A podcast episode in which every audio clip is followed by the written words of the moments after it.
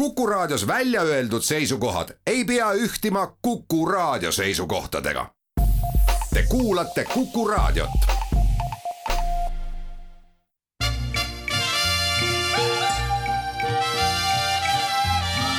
välismääraja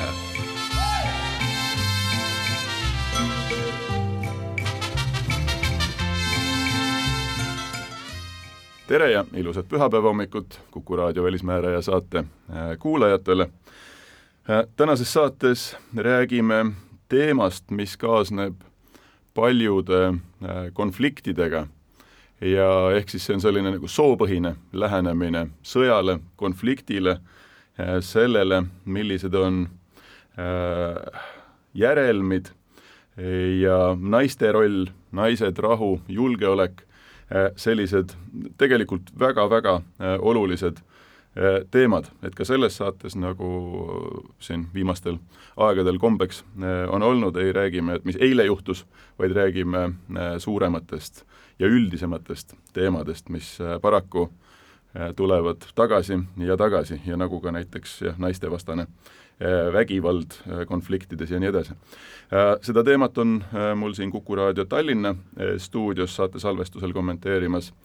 Susanna Veevo, arengukoostöö ümarlaua värske tegevjuht, tere Susanna! tere, väga tore on siin olla! ja Birgit Poopuu, kes on praegu Eestist eemal ja kes on rahvusvaheliste suhete teadur ja Birgit on meil eetris siis Skype'i kaudu Berliinist, tere Birgit! tere, Hannes, rõõm! ja minu kõrval ka siis veel sajad ja tuhanded raadiokuulajad muidugi. ja mina ise, Hannes Hanso. aga Birgit, kõigepealt äh, selline nagu laiem vaade sellele teema äh, käsitlusele. et äh, elame ju praegu no, hetkes, kus Euroopas on taaskord käimas täiemahuline sõda ja eks sellel noh, sõjal on alati palju erinevaid tahke, on mingi poliitiline dimensioon, ongi sõjaline äh, dimensioon, kahtlemata majanduslik äh, dimensioon, aga tänases saates me siis keskendume sellele, kuidas vaadata seda sõda ja konflikti nii-öelda soolisest perspektiivist, et äh, ennem kui me isegi ÜRO resolutsioonide kõige selle juurde äh, läheme, et miks on selline teemapüstatus äh, sinu kui vastava valdkonna eksperdi mõttes mõistes nagu õigustatud, et sõda noh, puudutab ju kõiki, aga miks me peaksime rääkima eraldi sõjast kui mingisugusest asjast, mida saab ka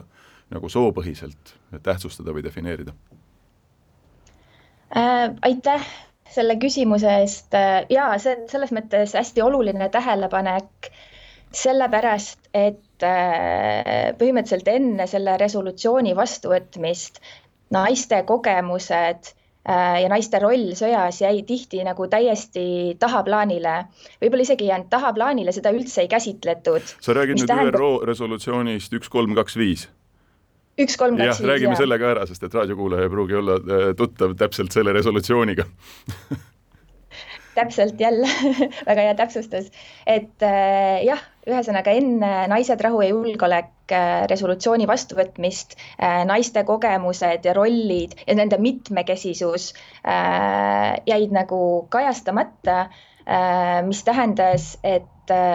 nende kannatused, kogemused ja samamoodi ka nende kriitiline roll, kuidas nad saaksid, kuidas nad tegelikult on kogu aeg panustanud rahu ehitamisse, rahuprotsessidesse, aga seda ei ole, sellest ei ole nagu räägitud, seda ei ole tõsiselt võetud, et, äh, et äh, et siin peitubki see olulisus, et sellest järjepidevalt rääkida äh, meil on nagu tekivad komplekssed äh, käsitlused ja samamoodi me saame aru ka nagu, kui üheks juurpõhjuseks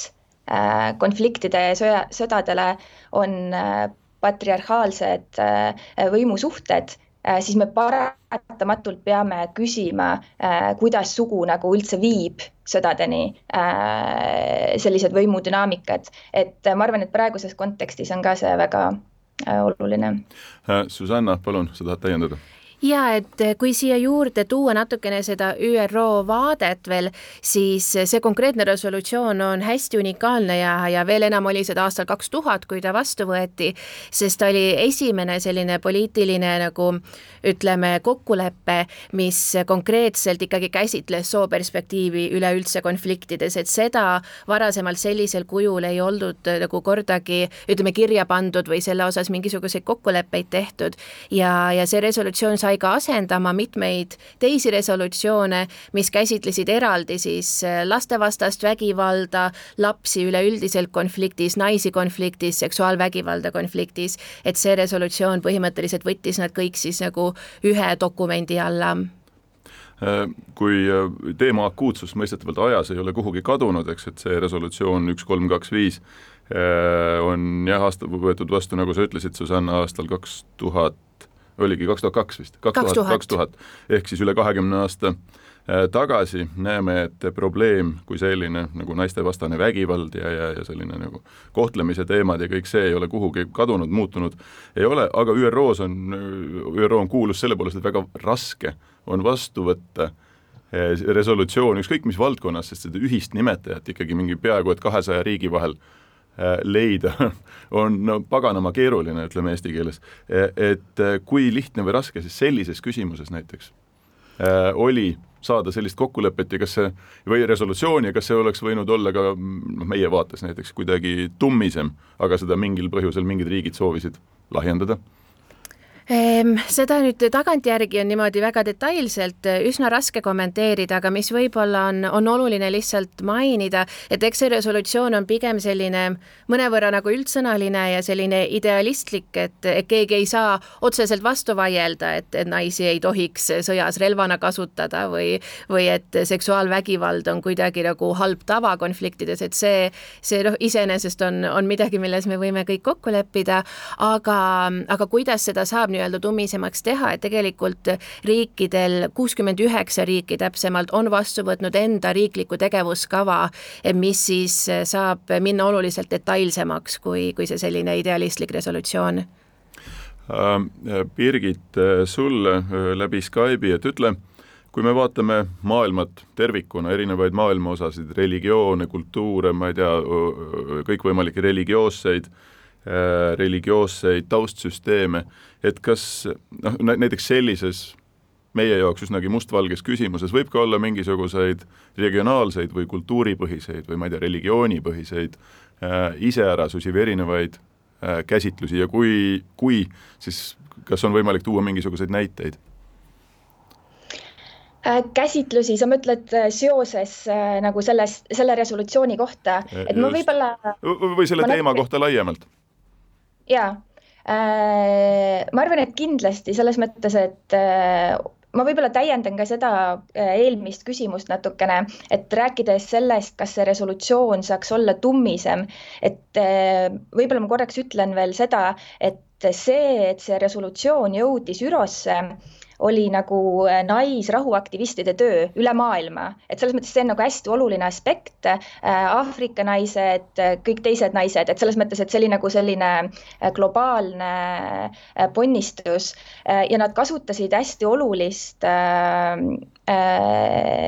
teema konteksti. ühesõnaga sellel hetkel kui me mäletame, üheksakümnendatel hakkas julgeoleku kontseptsiooni laiendamine, ühesõnaga inimkeskne julgeolek oli äkki ÜRO agendas ja ühesõnaga need naisrahuaktivistid kasutasid seda konteksti ära, et nagu äh, tuua see naised, rahu ja julgeolek temaatika. mõistagi see esialgne ajend oli konfliktide ennetamine, väga ambitsioonikas, eks ole, sõdade lõpetamine, konfliktide ennetamine, et ehk eks nagu mingil määral äh, me tihti takerdume sellesse, et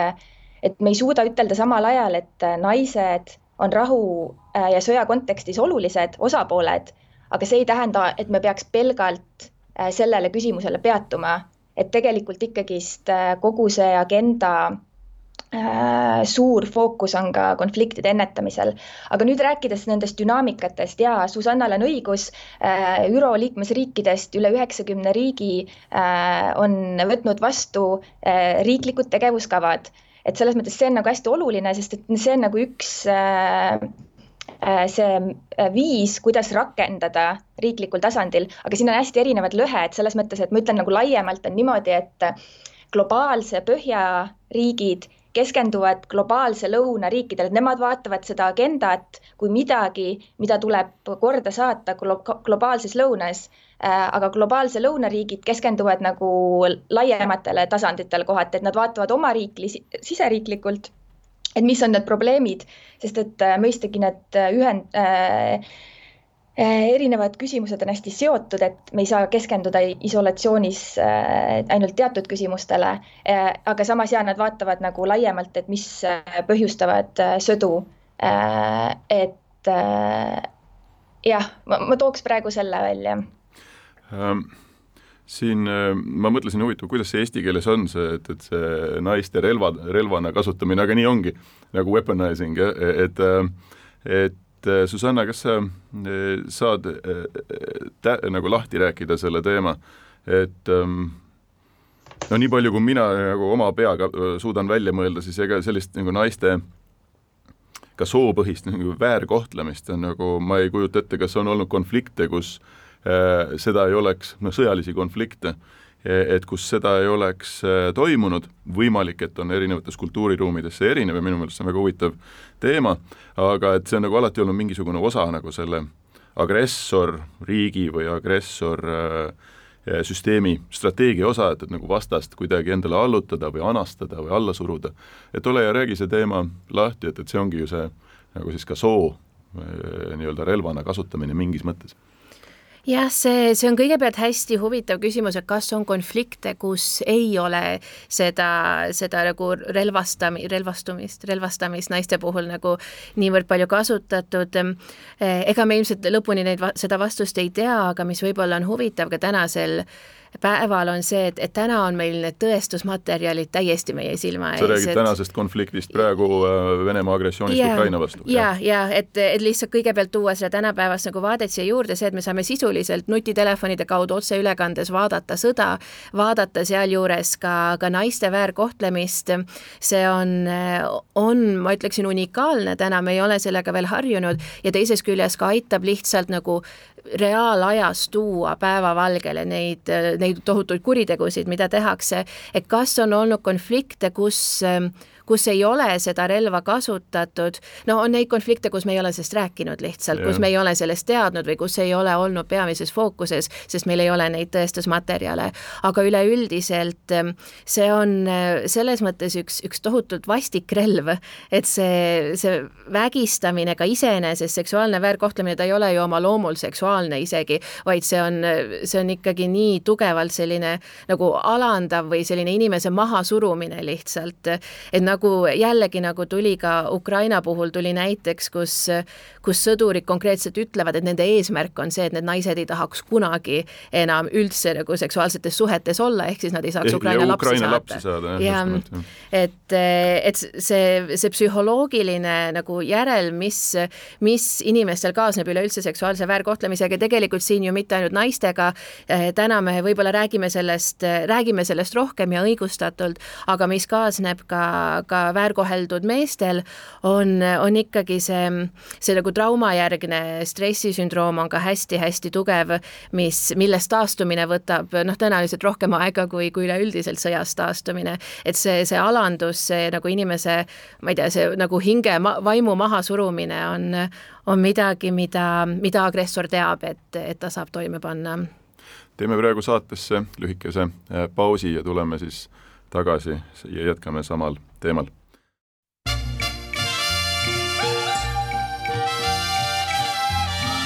välismääraja.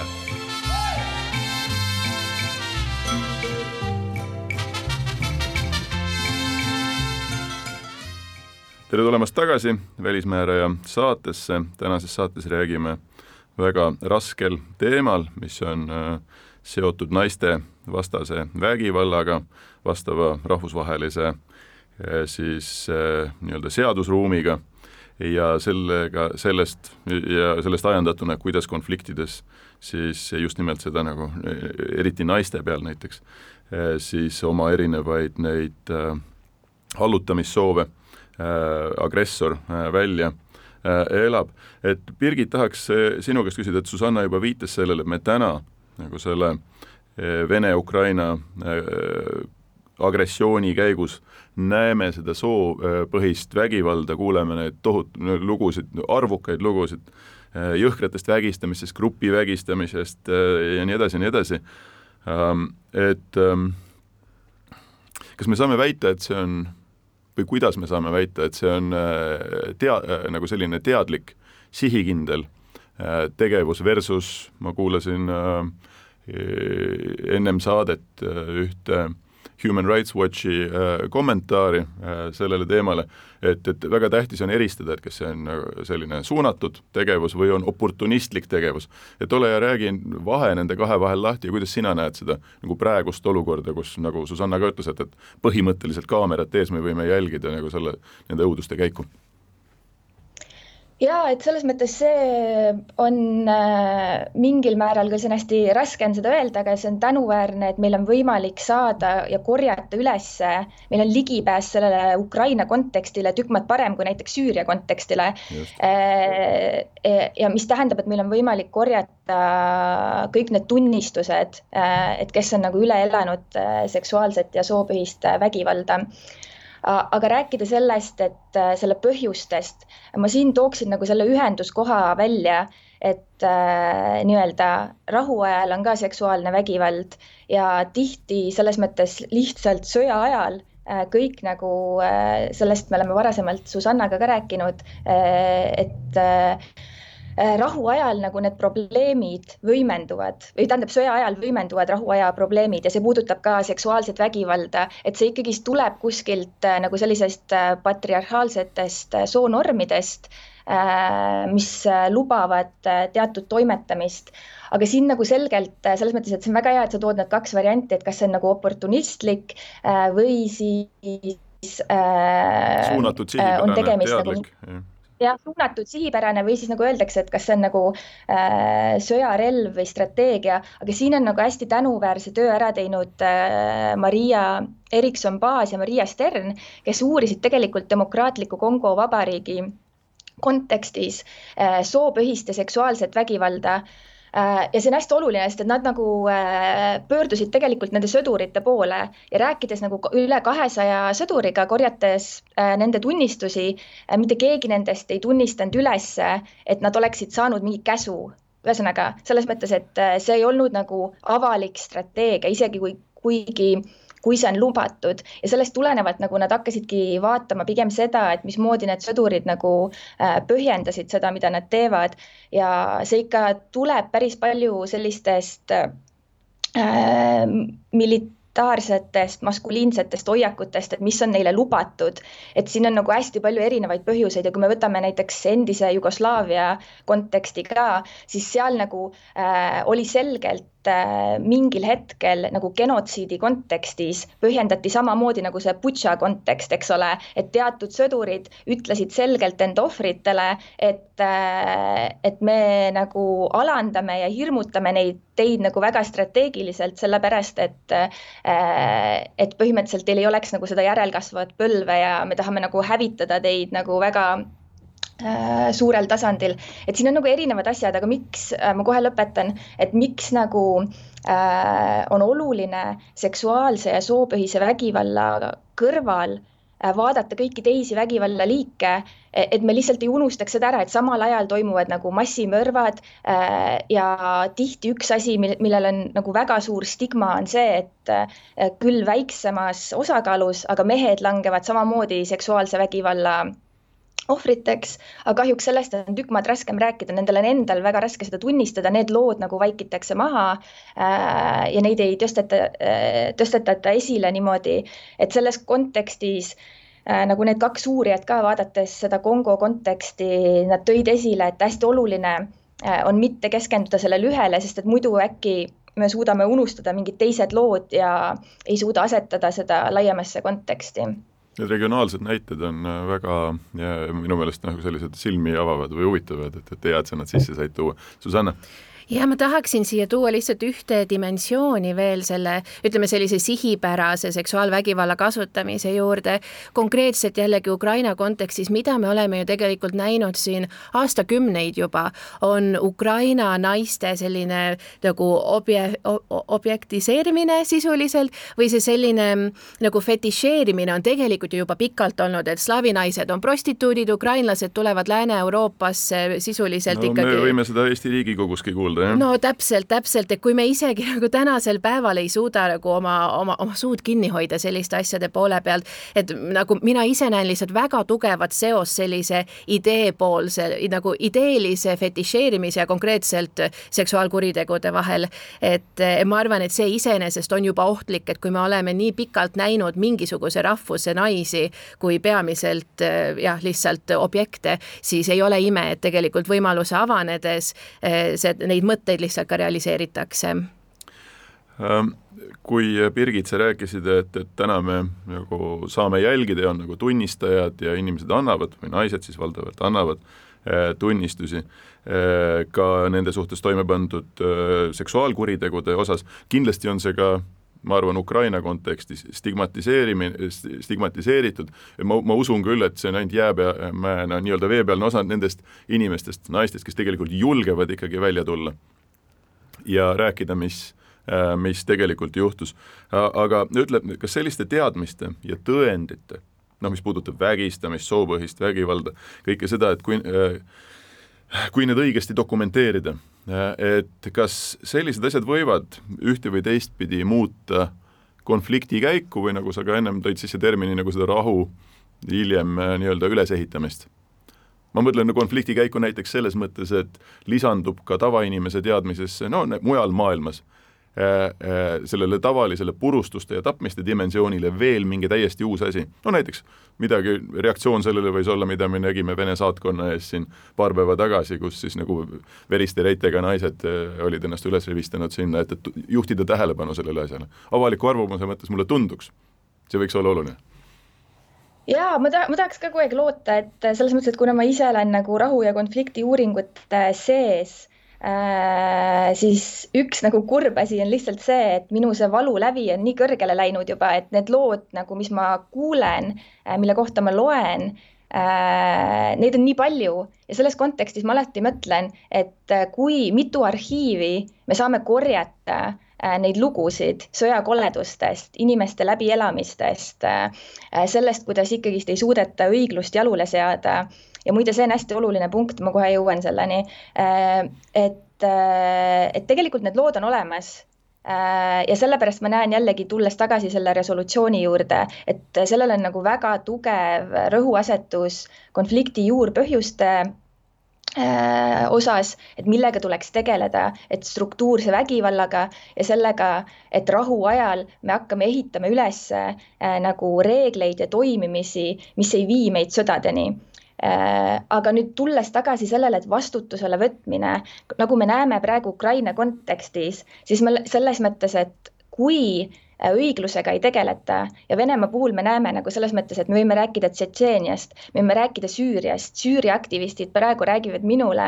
et, äh, et nad vaatasid nagu sellise hirmuga, äh, kuidas nagu samad mustrid ühesõnaga tsiviilobjektide ründamine, pommitamine, nüüd on tõstetud nagu Ukraina konteksti, eks ole, aga see näitabki, et selles mõttes, et kui me selle õigluse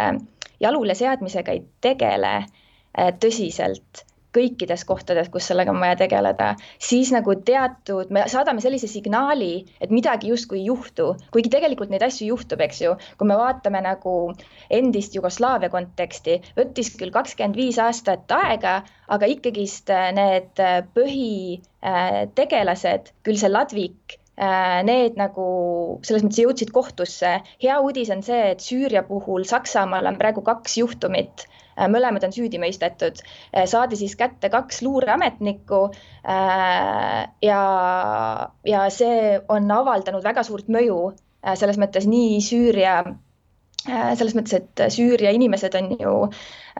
just hiljuti mulle Süüria aktivist tuletas meelde, et nad on praegu saja kahekümne viies maailma riigis laiali paisatud, eks ole, ja nad ikkagi seisavad nagu järjepidevalt selle õigluse eest ja see, need Saksamaa kaks kohtujuhtumit praegu olid nende jaoks nagu märgilised sest et esiteks nagu kõik need äh, inimesed, kes äh, kannatasid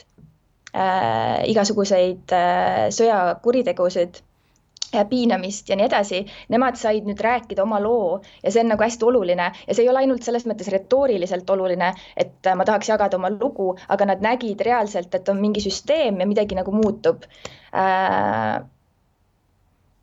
ja ma arvan, et ma tõmban praegu siia joone alla, ma vist läksin kaugele sellest küsimusest. Äh, äh, ma saan aru, et pretsedent, kus äh, no sõja, nii ausalt öelda seksuaalne vägivald ja vägistamine on ka sõjakuritegu, kvalifitseerub nagu samasse kategooriasse. ma saan aru, selliseid pretsedente siis, kus kurjategijate üle mõistetakse kohut ja nad saavad karistuse, on olemas, aga kas konkreetselt nagu ka näiteks siis naistevastane vägivald on kuidagi eraldi saadud karistada, ma ei tea, kui Birgit rääkis nendest Süüria näidetest, eh, kas see puudutas nagu üldiselt toime pandud sõjakuritegusid või oli see naistevastane, kas siin ka mingisugused eraldi äh, äh, kategooriad või käsitlused äh, eksisteerivad ka nagu rahvusva-, kui on suudetud keegi kohtu ette äh, tuua, ma ei tea, kas Susanna, sina või Birgit, kumb tahaks äh, siin panustada?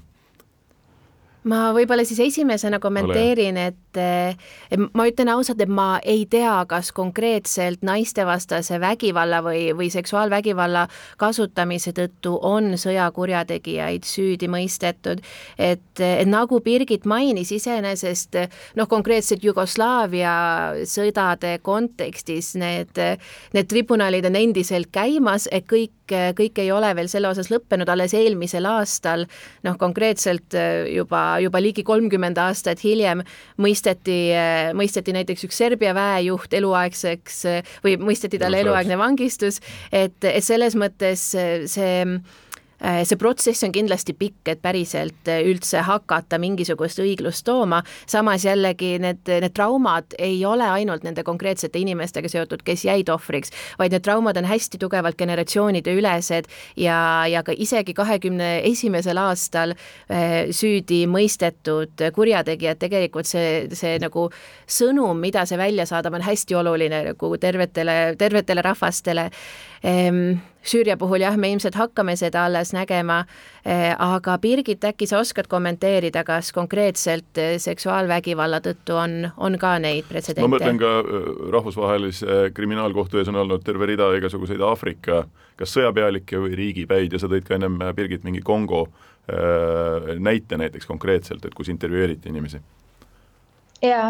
äh, ühesõnaga mina ka äh, ei, ei tea, et oleks äh, nagu äh, selgelt keste, keskendatud äh, soolise ja seksuaalvägivallaga, et, et tihti see on nagu ütleme, üks nendest sõjakuritegudest, mis tuuakse teiste kontekstis välja, sest et me teame ka nagu selles mõttes siseriiklikus äh, kontekstis, kui raske äh, on selliste kuritegudega te tegeleda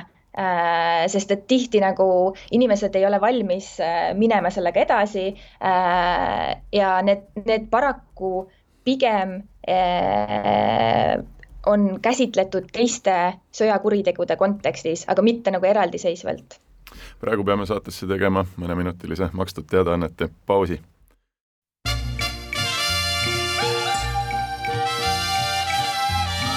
välismääraja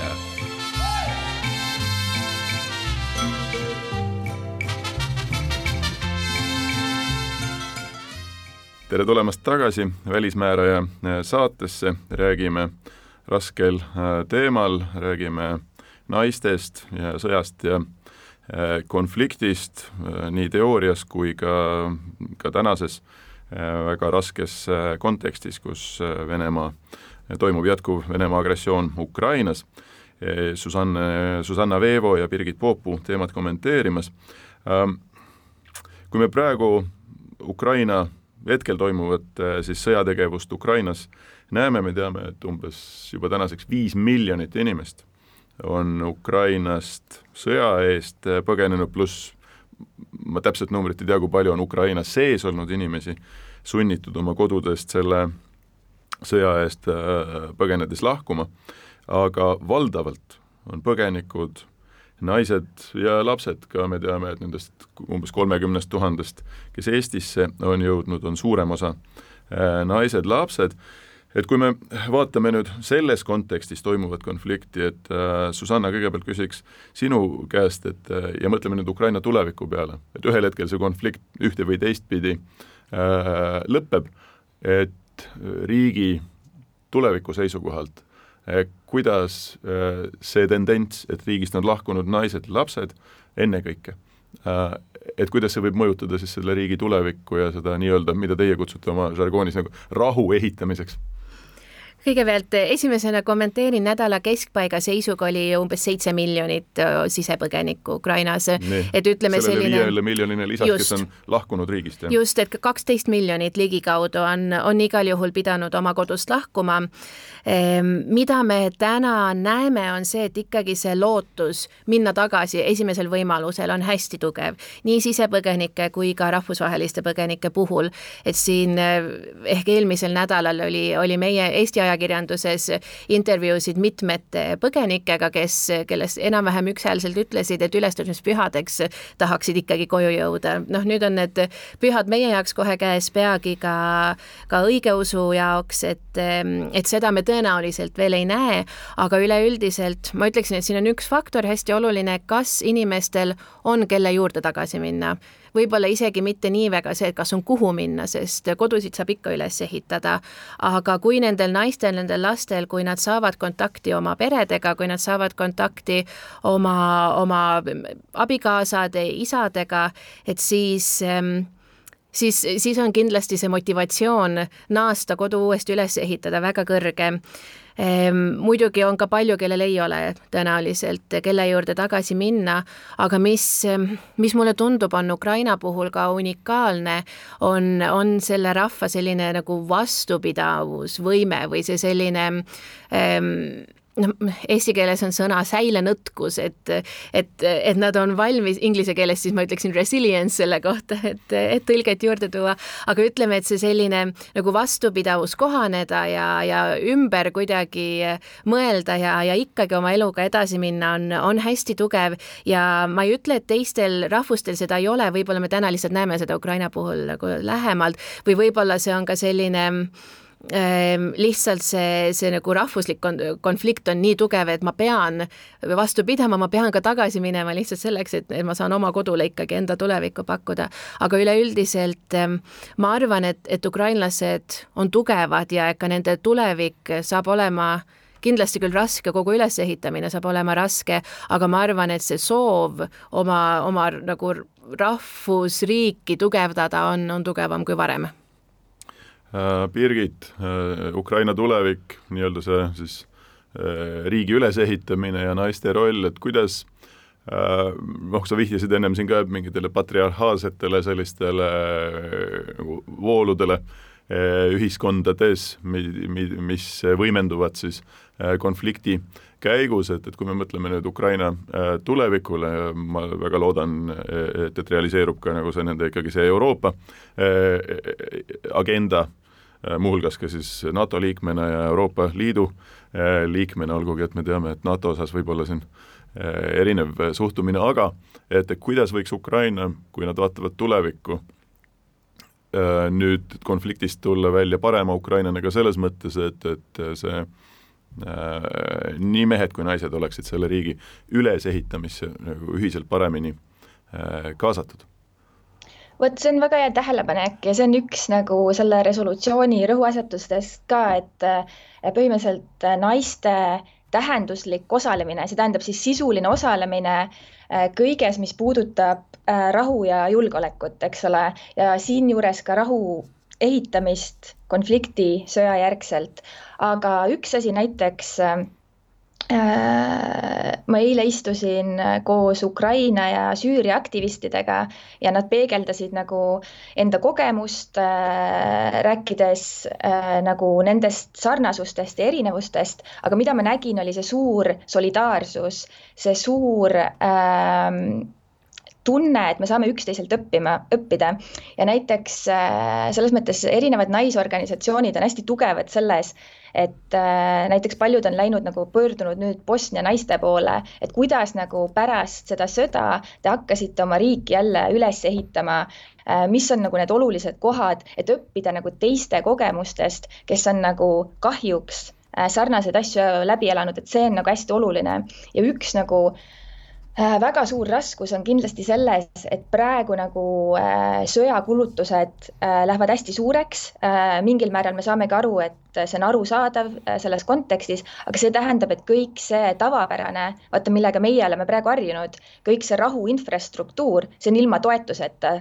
ja ilma toeta, et selles mõttes, et mingil hetkel peab see nagu vastupidi pöörduma, teised riigid peavad toetama. Ja pluss ma tahaks ütelda, ma tean, see on väga nagu idealistlik lootus, aga ütleme, et selliseid asju tuleb ka välja öelda. Venemaa peaks nagu mingeid reparatsioone maksma, et selles mõttes ei saa äh, nagu pääseda sellest olukorrast niimoodi, et sellel ei ole nagu mingeid järelmeid. Aga see on kindlasti nagu, see on kohutavalt raske, sest et minu kolleeg, kes tegeles äh, Bosnia naiste Äh, kogemuste kaardistamisega. Äh, nad ütlesid, et uurijad tulevad nagu dekaad hiljem äh, nende riiki ja küsivad samu küsimusi, aga midagi nagu nende eludes kvalitatiivselt ei ole muutunud, mis tähendab, et see on ikka väga pikk protsess Äh, ja see näitab veel kord, et me peame nagu tuginema nende inimeste kogemusele, äh, kes on selle läbi teinud ja kes nagu praktiliselt on edasi liikunud, et mi-, mis on nagu nende rõhuasetused, mis nad on teinud. et, äh, et ma arvan, et see on nagu hästi, saab olema hästi oluline. Susanna, tahad sa siin täiendada? ei, kui me vaatame nüüd hmm, kas on kusagil ka näiteid, kus konflikti lõppedes ja see on ka, millele ma viitasin, et, et mida ideaalis, mis siis eh, võiks juhtuda, et eh, sooline eh, võrdõiguslikkus või võrdne kohtlemine on nagu ka kasvanud, paranenud, et riik on ka ise mõistnud, et ainult ühte ühiskonna osa, ehk siis valdavalt me-, meestele riiki üles ehitades, et ei, ei vea tegelikult välja, et ülesehituses peab kaasama rohkem, rohkem inimesi. No näiteks Iraani, Iraagi sõja puhul on ju mõlemad riigid läbisid mingit tohutud, ma ei tea, kaheksa aastat vist nagu metsikut kannatuste perioodi, Iraanis naiste roll äh, sõtta minekul oli hoopis teine kui peale sõda, sest et isegi äh, ajatollade äh, juhitud riik lihtsalt ei saanud hakkama ilma naisi näiteks äh, uuesti nagu tööjõu tööjõuna kasutama või haiglates või, või koolides, olgugi et sellised püüded kunagi näiteks olid. et võis öelda, et võib öelda, et, et nagu naiste roll tegelikult sõja tõttu nagu paranes, aga on veel veel mingisuguseid näiteid, mida võiks selles kontekstis tuua?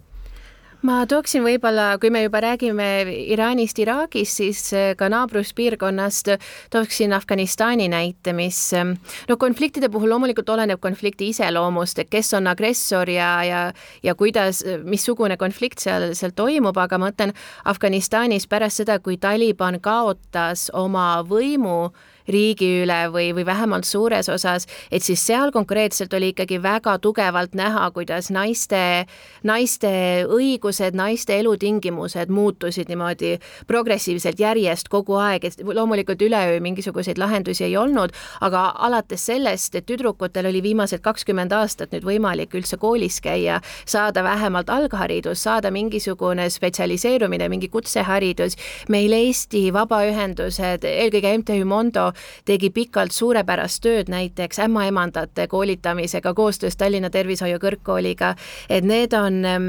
Need on nagu mõned näited, mis said võimalikuks tänu konflikti lõppemisele, mida noh, tänasel päeval nüüd, kui konflikt on tagasi, jällegi ei ole võimalik eh, ellu viia, aga samas see haridus ei kao kuhugi või nagu see, see mälestus, et meil oli kakskümmend aastat võimalik peaaegu nagu mitte päris võrdselt, aga vähemalt väärikalt naistena elada, et see, see ei kao kuhugi. Äh, ma mõtlen praegu ka äh, selle peale, kui me räägime Ukraina tulevikust, aga ka teiste riikide äh, tulevikust peale konflikti, siis ähm, no Euroopa Liit näiteks rahvusvahelise sellise arenguabi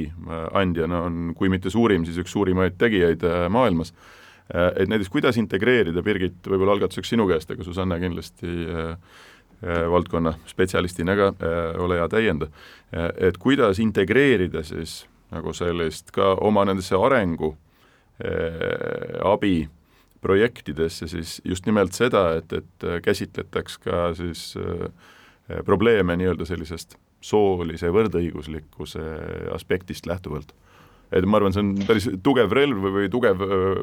selline võimekus nagu suunata ka mingit siis arenguabi saajat riiki nagu selles suunas liikuma ja ma arvan, et Susanna kindlasti täiendab ja on sellel teemal tükk maad parem, aga ma ütlen lihtsalt nii palju, et see arenguabis ja kaasa, kaasa arvatud selle resolutsiooni kontekstis on muutunud see fookus nagu hästi kaasavaks ühesõnaga, mis see, mis see tähendab siis, et kui hakatakse mõtlema äh, mingile, äh, mingitele arenguabiprojektidele, siis äh, tihti nagu pannakse rõhuasetus, et mis on see võimekus juba seal kohapeal, sest et seal on alati mingus, mingisugused naisorganisatsioonid, aktivistid äh,, kes, kes juba äh,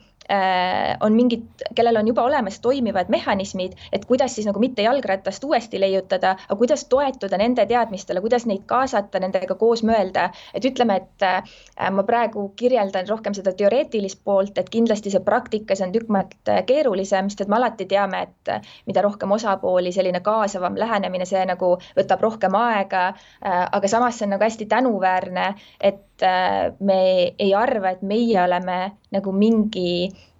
konflikti äh, eksperdid üksinda, vaid me tõesti nagu selles mõttes kuulame, et mis seal kohapeal nagu toimub. aga ja ma annaksin siin sõna kindlasti Susannale, sest et tema on selle valdkonna nagu vaieldamatu ekspert. sõna ta saab ja juba on valmis palun, Susanna. ja esimese asjana ütlengi, et tõesti e, Euroopa Liit kollektiivselt kahekümne seitsme liikmesriigiga on maailma kõige suurem arengukoostöö rahastaja. nii et, et meil on siin nagu siin regioonis hästi oluline ühest küljest kogemus ja ekspertiis, kuidas arengukoostööd läbi viia ja teisest küljest õnneks ka, ka need vahendid, et seda toetada.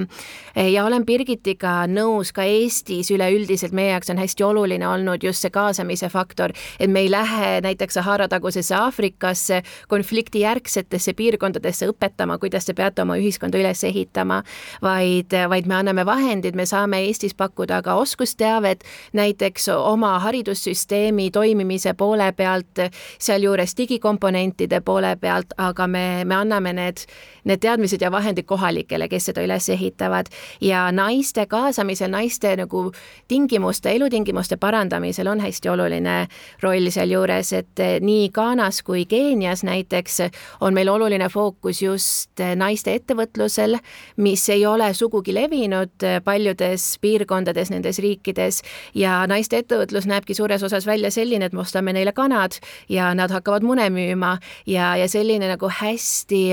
rohujuure tasandi nagu Eh, ütleme, võimestamine, et me ei pea naistele ütlema, et hakake nüüd oma, ma ei tea, krüptorahastuse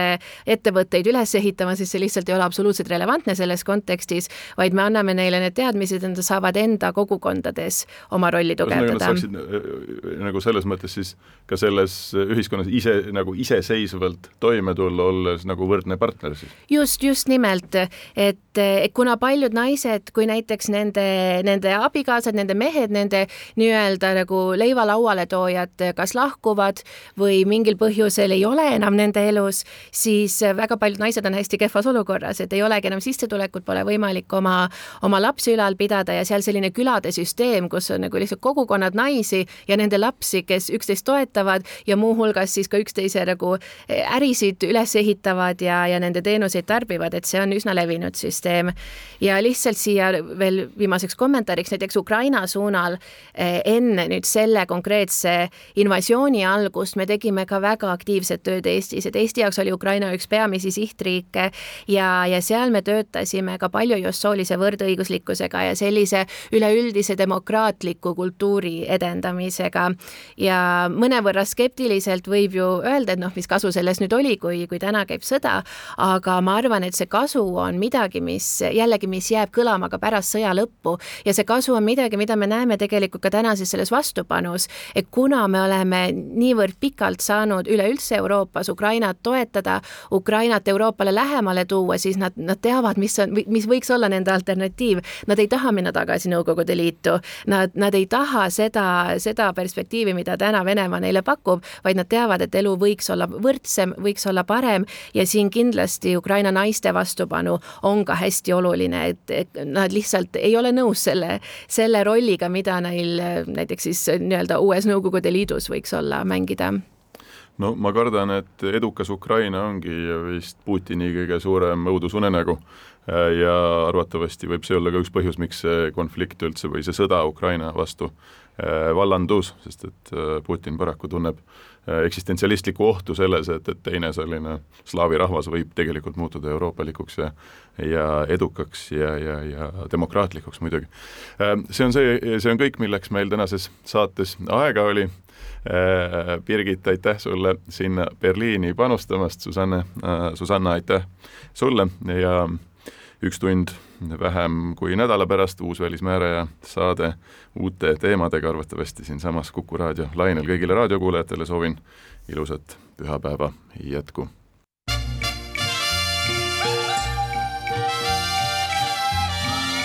Välismääraja.